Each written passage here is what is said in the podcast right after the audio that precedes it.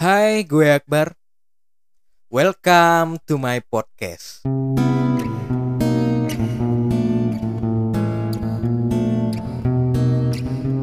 Gue kali ini pengen ngebahas suatu topik yang sebetulnya terinspirasi tuh dari sebuah lagu yang yang berkesan banget dalam hidup gue.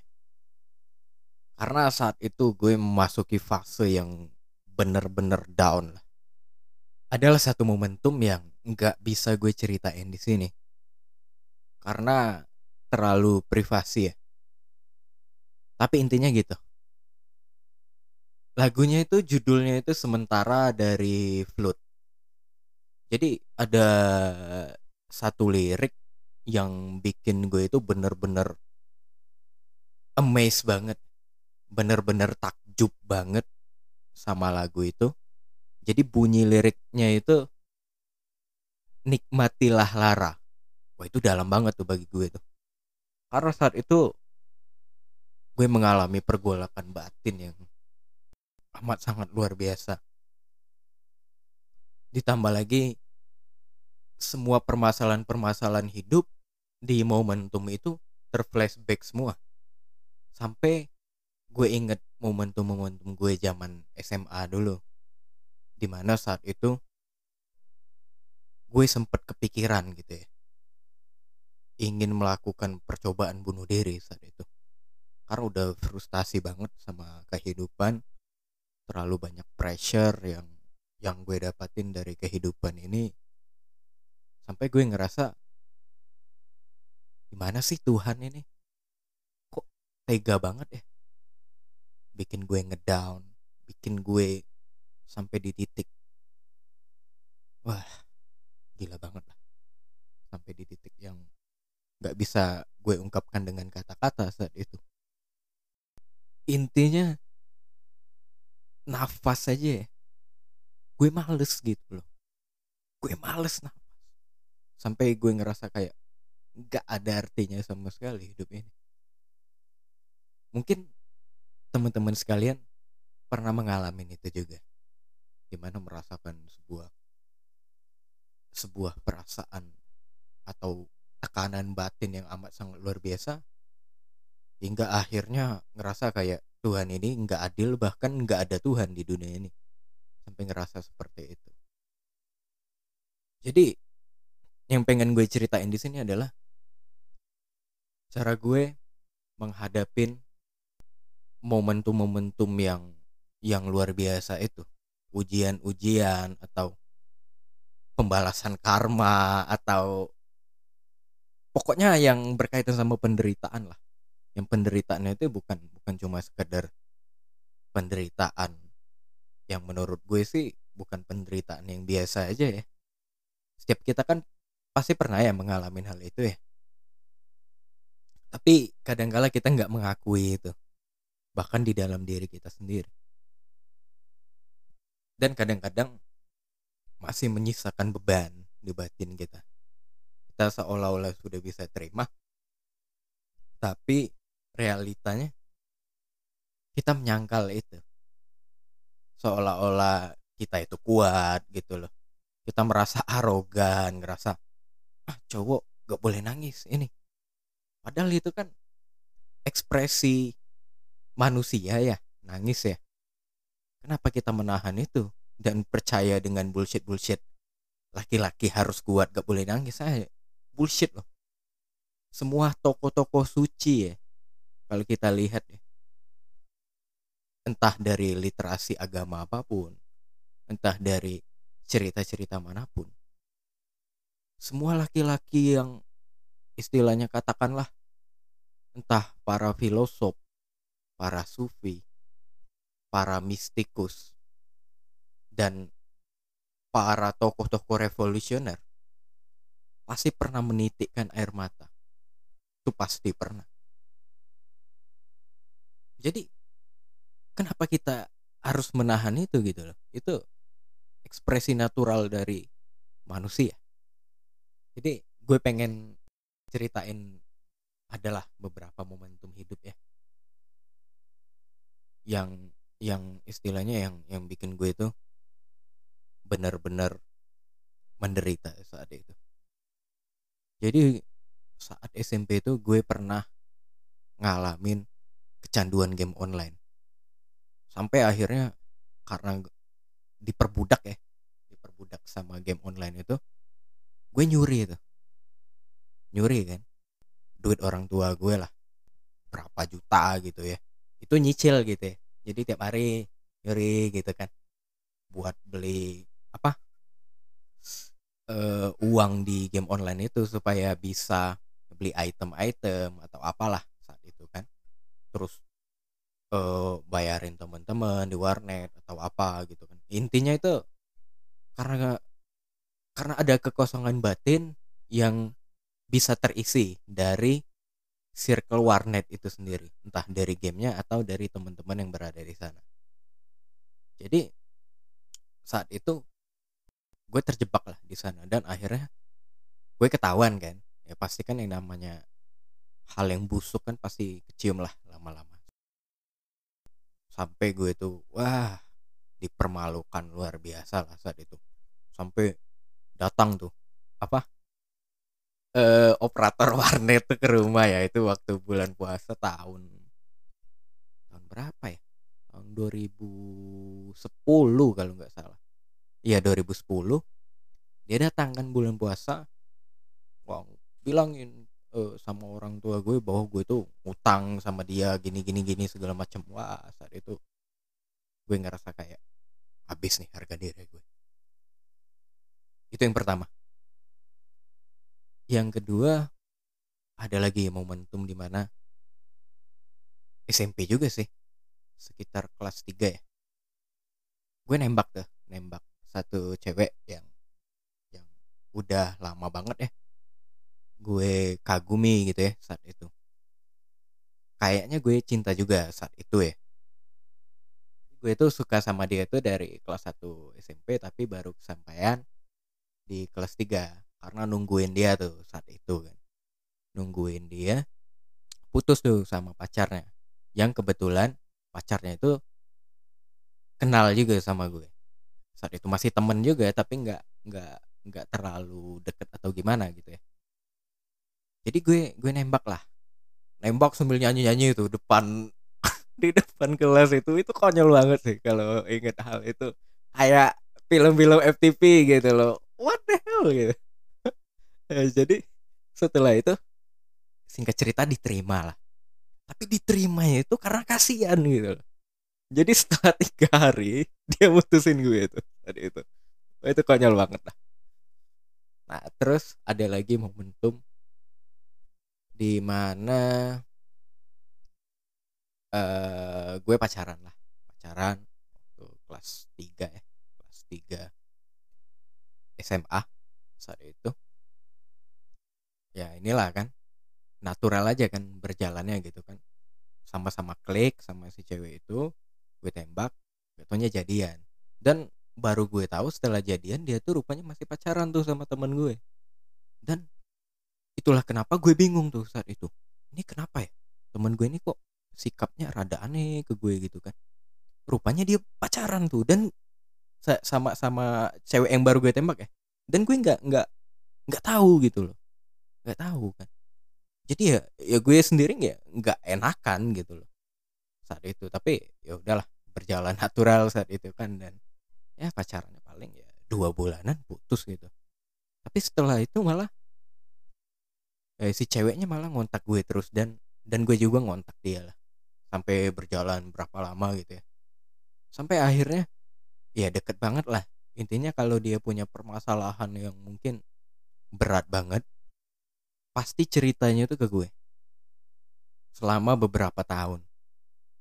Selama dari 2014 sampai 2020 ini sebetulnya.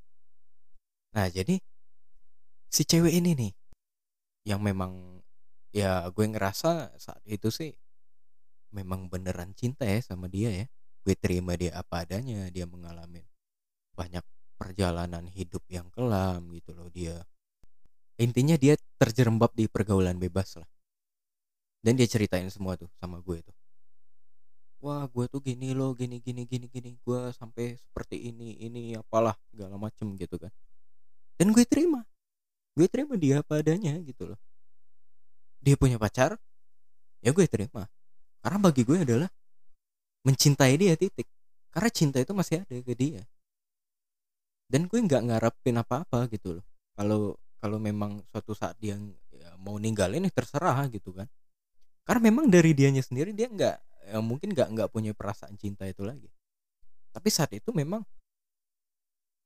ya gue yang gue tahu adalah gue cinta dia gue memberi apa yang bisa gue beri sama dia titik. Saat itu. Yang yang mungkin saat itu kan yang dia butuhkan ya adalah mungkin wadah atau kotak sampah lah di mana dia bisa membuang segala sampah-sampah batin dia ke gue karena nggak ada yang mampu menampung itu gitu loh. Sampai dia cerita saat itu wah ini banget sih sebenarnya ya. Tapi gue gue cerita aja ya nggak nggak sebut nama ya. Sampai dia bilang wah dia tuh udah udah telat men saat itu. Dan gue kaget dong. Gila nih orang sampai sejauh itu gitu kan dia cerita sambil nangis nangis apa segala macem. Ya gue dengerin aja kan. Gue dengerin apa gitu kan. Sampai saat itu dan kata dia dia ke dokter lah. Ke dokter melakukan malpraktek itu ya. Wah itu gue gue shock banget. Wah gila nih orang sampai sejauh itu gitu ya. Dan apalagi kan yang sebetulnya kan gue cinta ya sama dia ya. betapa rasanya disayat-sayat gitu loh mendengar seseorang yang kita cinta mengalami hal seperti itu dan menceritakan ke kita gitu dan itu di diperbuat orang lain gitu loh. sampai dia bilang gini siapa ya yang yang mau nikahin aku ya dalam keadaan aku seperti ini gue bilang kan saat itu kan ya udah gue aja nikahin lu ntar nggak sekarang. Dia saat itu kan ya senyum senyum getir lah saat itu kan. Ya karena gue pribadi kan gue cinta ya sama dia. Tapi mungkin karena dia nggak ada feeling ke gue jadi ya gitulah. Tapi intinya dia mengiyakan saat itu. Gue ngerasa itu adalah sebuah perjanjian ya. Dan setelah momentum itu gitu dia cerita panjang lebar saat itu kan. Berselang itu dua minggu kemudian tiba-tiba dia kirim undangan. Dia nikah. Wah itu rasanya perasaan gue hancur banget lah saat itu. Tahun ini tahun 2020 momentum itu terjadi. Jadi gue tuh wah gila banget lah yang gue rasain. Dia dia udah bagi gue ya balik lagi bagi gue dia udah udah berjanji gitu loh. Tapi realitanya dia malah berbuat sedemikian rupa dan wah itu luar biasa tuh sakitnya tuh. Gue nggak nggak bisa ngejelasin ya. Karena nggak ada kata-kata yang bisa mewakili itu rasa sakitnya itu gimana gitu kan. Wah gila dah gila-gila banget.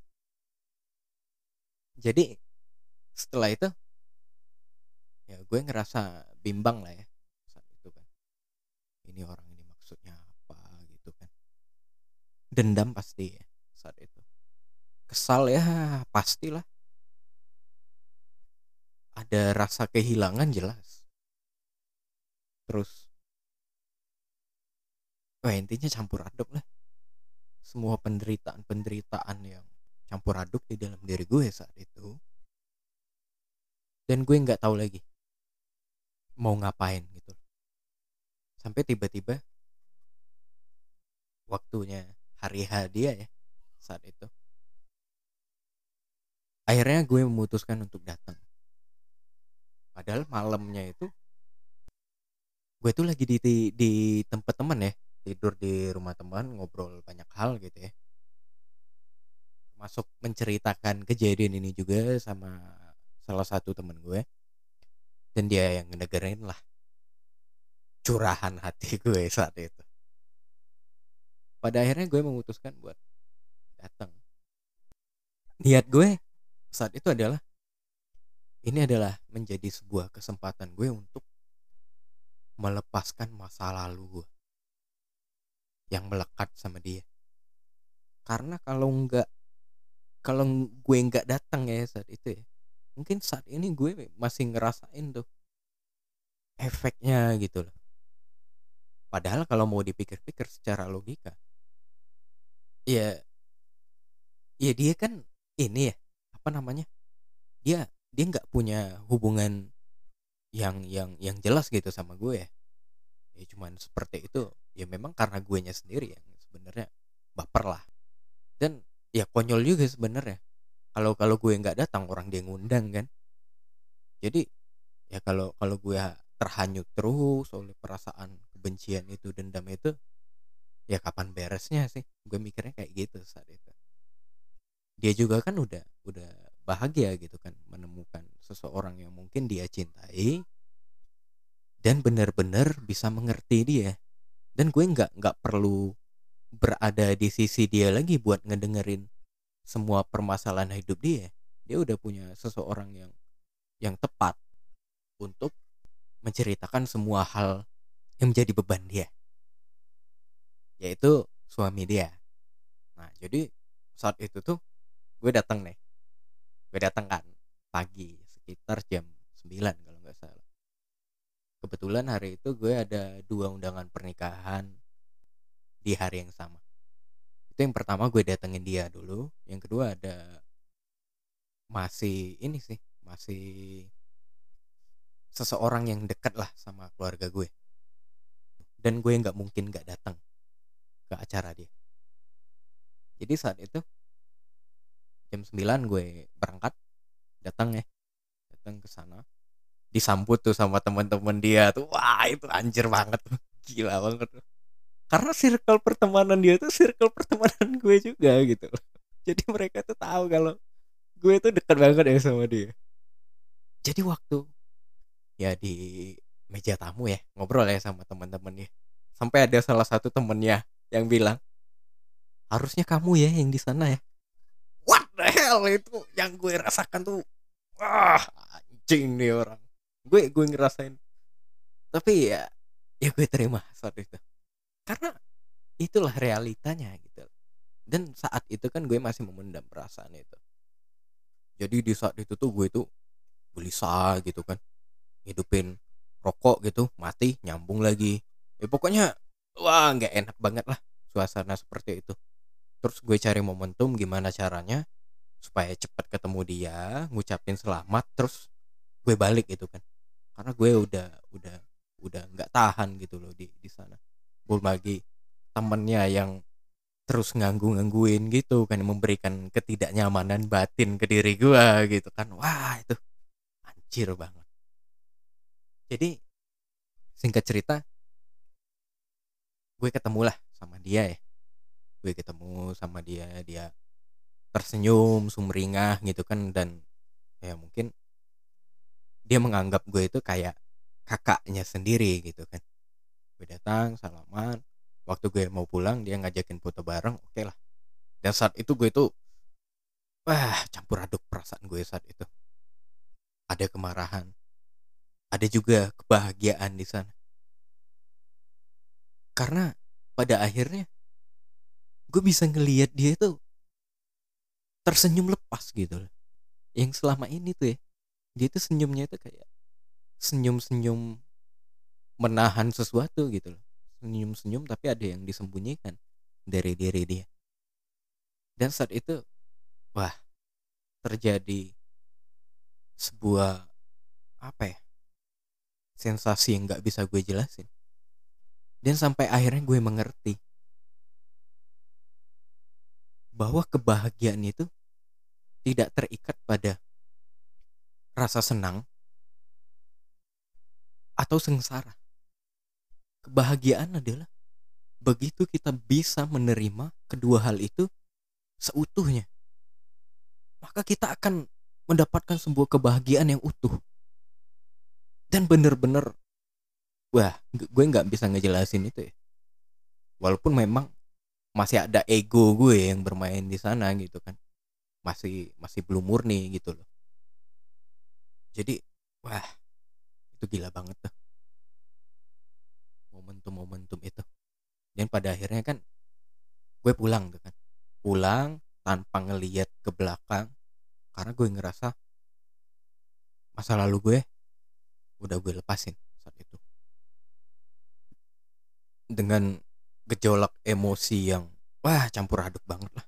Gue berjalan dan ketemu lagi sama teman-temannya ngegodain lagi dan wah itu menambah kesesakan dada yang berada di dalam diri gue saat itu. Nah jadi gue langsung aja kan. Langsung cabut bawa motor ya. Jalan lah. Jalan ke acara nikahan selanjutnya. Jadi di perjalanan itu gue itu teriak-teriak sendiri gitu loh. Ada ada teriakan kemarahan kayak kayak orang gila lah pokoknya di jalan ya saat itu ya. gue teriak kayak orang gila. Terus ada rasa syukur juga bahwa gue udah lepas gitu loh. Ada ada ada rasa senang juga gitu kan di di sana. Tapi masih ada kemarahan wah itu nggak jelas banget lah saat itu. Tapi yang gue pahami sekarang kalau gue nggak mengakui itu dalam artian gue dendam atau masih baper ya sama kejadian itu gue nggak bakal menemukan apa itu bahagia sesungguhnya. Siapa diri gue yang sebenarnya untuk bisa sampai ke titik ini? Sampai ke titik di mana gue bisa merasakan kebahagiaan? Atau katakanlah sebuah kenikmatan dari kesengsaraan itu sendiri gitu loh.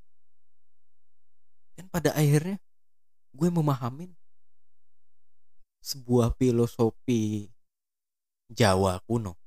Jadi bunyinya itu kalau nggak salah Suro di Rojoyoningrat lebur dining pangastuti. Jadi artinya itu kalau diterjemahin ke bahasa Indonesia kebencian, keangkuhan, dan segala macam bentuk angkara murka akan lebur di hadapan cinta dan kasih sayang. Akhirnya gue paham itu gitu loh. Karena gue cinta sama dia. Mungkin pada saat itu gue sampai di titik di mana unconditional love saat itu. Makanya ada ada perasaan bahagia gitu loh, melepaskan kepergian dia lah dari kehidupan gue gitu kan ya mungkin selama ini gue gue ngerasa melekat lah sama dia ya. Dan penuh harapan-harapan yang sebenarnya yang bakal membawa gue ke jurang kehancuran. Karena begitu kita berharap kita pasti kecewa gitu loh. Itu bagi gue sih pasti ya. Begitu gue berharap sama seseorang pokoknya sesuatu yang di luar diri kita gue pasti dikecewakan sama siapa pun. Makanya akhirnya gue menyadarin bahwa hidup ini nggak nggak perlu berharap gitu loh. Kita tuh cuma perlu berdoa dan melepaskannya ke Tuhan. Bukan kita genggam sendiri. Karena pada akhirnya gue memahamin bahwa harapan itu adalah bentuk dari kesombongan kita di mana kita ngerasa bisa mampu mewujudkan apa yang kita impikan tanpa adanya kehendak dari Tuhan gitu loh jadi kalau kita melepaskan harapan itu kan kita menyerahkan seutuhnya ke Tuhan. Kita cuma cukup take action terserah berhasil atau enggak gitu karena memang realitas hidup tuh seperti itu. Jadi semuanya itu sebenarnya polanya sama ya. Entah itu ke cinta entah itu ke mimpi-mimpi atau ke apa pun ya. bagi gue balik lagi ya. Jadi balik lagi ke topik tadi gue memahami seperti ini. Begitu kesengsaraan bisa kita nikmatin apalagi yang mampu menjajah kebahagiaan kita gitu apalagi nggak ada. Karena pada hakikatnya kita sendiri yang menciptakan kebahagiaan itu. Kita sendiri. Jadi yang di luar itu hanyalah alasan-alasan aja yang memperkuat tapi intinya gitu sih. Kita sendiri yang menentukan. Kita sendiri yang yang yang mengizinkan kita ini boleh bahagia atau enggak. Karena sebenarnya hal apa pun hal sesepele apa pun bisa membuat kita sengsara loh. Kayak misalnya handphone low bed itu bisa bikin kita sengsara gitu loh. Ada juga sebuah momentum yang sangat kecil bisa membuat kita amat sangat bahagia. Misalnya kita sadar bahwa kita bernapas hari ini. Bahwa sebenarnya kita dikasih penglihatan gitu loh. Mata sama penglihatan itu beda ya. Orang buta itu punya mata tapi mereka nggak bisa ngelihat. Itu anugerah loh. Dan ada orang yang punya telinga tapi nggak bisa mendengar. Makanya mereka dilahirkan bisu. Padahal mereka punya telinga jadi sebenarnya itu semua itu anugerah gitu loh. Kayak berpikir kayak merasakan. Ada beberapa orang yang dilahirkan nggak bisa merasakan aroma gitu loh. Ada ada sindrom seperti itu. Jadi kita yang terlahir secara normal ya kalau karena kalau gue, bilang sempurna ya sebenarnya semua manusia itu sempurna bagi gue balik lagi ya, tapi nantilah kita bahas hal-hal yang itu nanti topiknya terlalu jauh jadi intinya soal kesengsaraan itu tadi untuk menikmati kesengsaraan itu atau menikmati lara itu ya yang perlu kita lakukan adalah mengakui bahwa diri kita ini menderita. Ke siapa mengakuinya ke diri kita sendiri? Gak usah kita mengakui ke orang lain. Orang lain gak sepeduli itu loh. Kita jujur ke diri sendiri, mengakui bahwa diri kita menderita. Kita merasakan penderitaan itu sendiri. Nanti pada akhirnya dia perlahan mengecil, perasaan emosi atau tekanan batin itu dan pada akhirnya nanti kita bisa melepaskan itu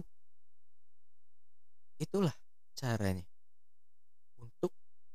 menikmati penderitaan itu supaya kita nggak terlarut atau diganggu terus oleh bayangan-bayangan penderitaan itu yang kadang tiba-tiba bikin kita kesel kadang-kadang bikin kita kayak terflashback lagi gitu loh. Kalau ngelihat foto seseorang itu kita ngerasa kayak wah ini terjebak lagi gitu loh. Nah by the way setelah gue datang ya ke acara nikahan ya itu tadi ya si cewek itu ya. Nggak berapa lama gue ngerasain gue masih terjebak ya. Kayak masih ada harapan-harapan itu. Pada akhirnya gue mutusin ngeblok lah Instagram dia. Karena bagi gue udah udah udah nggak nggak relevan lagi loh. Istilahnya gini gue melakukan itu untuk melindungi diri gue dari hal-hal yang tidak diinginkan. Yang pertama gue pengen mengkat semua momen yang berkaitan sama dia bukan berarti gue benci ya. Gue berusaha buat ngelepasin dia gitu loh. Yang kedua dia udah punya suami. Kalau gue berpikiran macem-macem sama dia gue ngerasa itu nggak fair gitu loh.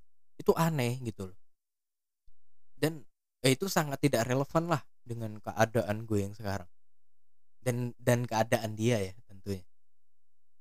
itu alasan gue ngeblok dia. Dan ya, beberapa waktu ini gue udah buka lagi karena ininya udah udah kelar gitu loh. Proses pelepasan emosi itu emosi yang terkait itu atau penderitaan yang terkait itu udah udah lepas. Ya itulah yang kira-kira bisa gue ceritain mengenai perjalanan gue menikmati kesengsaraan itu sendiri. Mudah-mudahan ada teman-teman yang ngerasa terbantu dengan perjalanan gue yang gue alamin gitu kan. Ya mungkin adalah mungkin ya beberapa teman-teman yang mengalami hal serupa tapi nggak sama persis gitu ya. Ya mungkin sulit buat move on kali ya. Karena memang kalau kita bilang move on nggak segampang itu loh.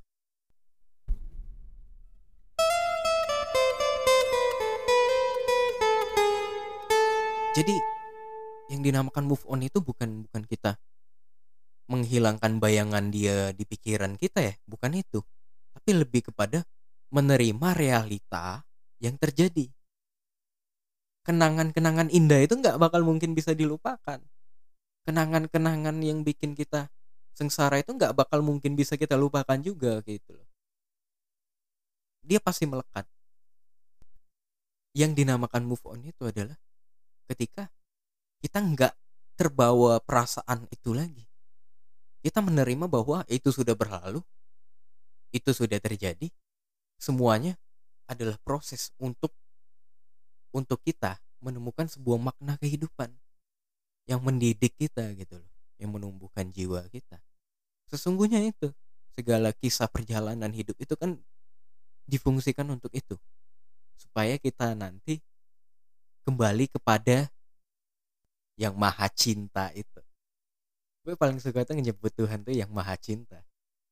Karena dia yang yang yang punya hak penuh atas cinta itu sendiri. Dan anehnya ya setelah gue melepasin dan menyadarin ya makna-makna yang tersingkap dari momentum gue sama si cewek itu tadi yang ninggalin gue nikah yang ninggalin gue nikah itu tadi tiba-tiba cintanya itu hilang dengan sendirinya gitu loh. Dan digantikan dengan sesuatu yang baru.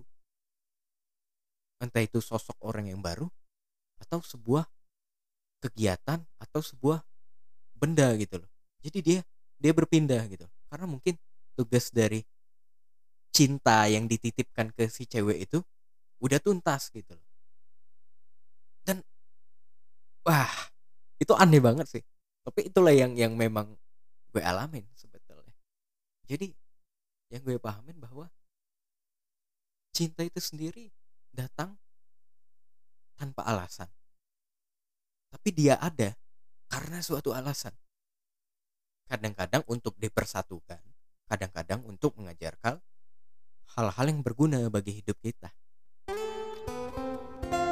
Ini opini gue. See you di episode selanjutnya.